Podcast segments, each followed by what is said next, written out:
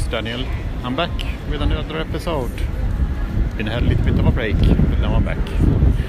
In the meanwhile, could you you could listen to the other episodes. But I want to thank you. I constantly get new followers, not followers but listeners, and for that I'm very happy. And here comes another episode. Enjoy.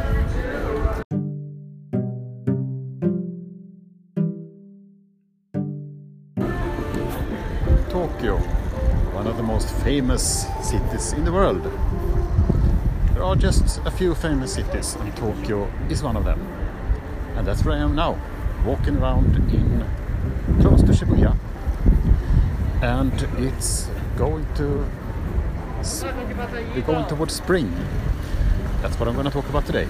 Spring in Tokyo. Sit back and uh, relax and hear about spring the city that never sleeps.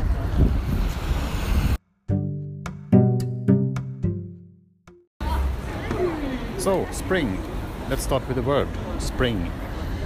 Many people, many people believe that uh, spring comes from the word of uh, the spring that we have in the beds, this, these metal things, the spirals, because they kind of spring, spring up, bouncy, like the nature does when it comes when it comes to spring, blossoms and uh, and so on. But it's actually not because of that reason.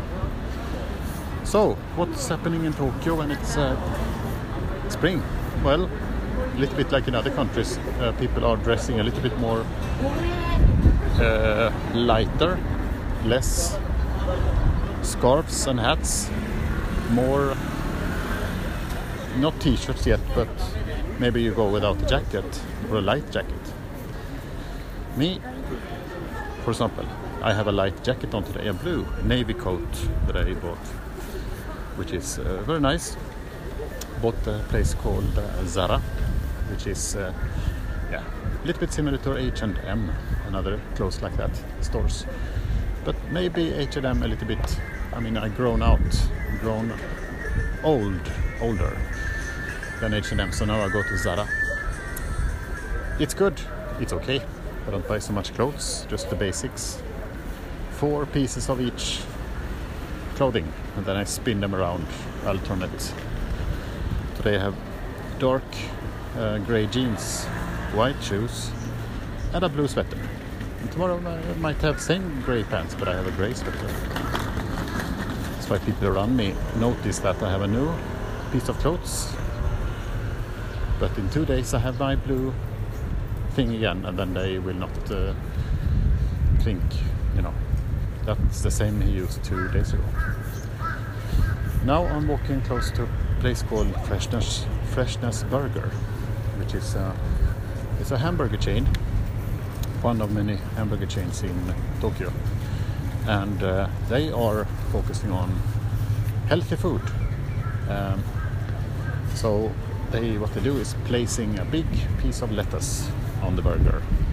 But the burger itself is just as healthy or unhealthy as any other hamburger chain.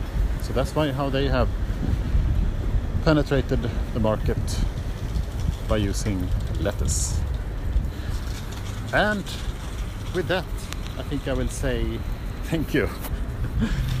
and we actually have time for another segment that will come just after this.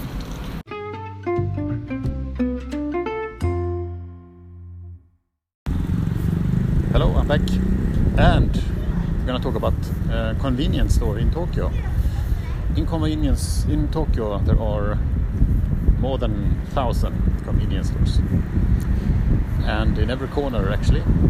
So that one you can say that there is one thousand corners, almost. But no, it's uh, not like that. But in a crossing,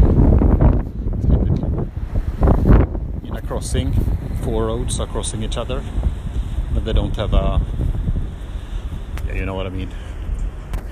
Anyway, now I'm walking up here on a street, very cozy. It's a lot of, uh, it's a little bit of back street here in Tokyo. Lower buildings and some old restaurants which sell alcohol. That is a huge door they have there. A cafe called Switch. I'm not sure where I am now actually. should turn left at some point. But that is also what I want to talk to you about today. Walking around in Tokyo, never know what's going to happen.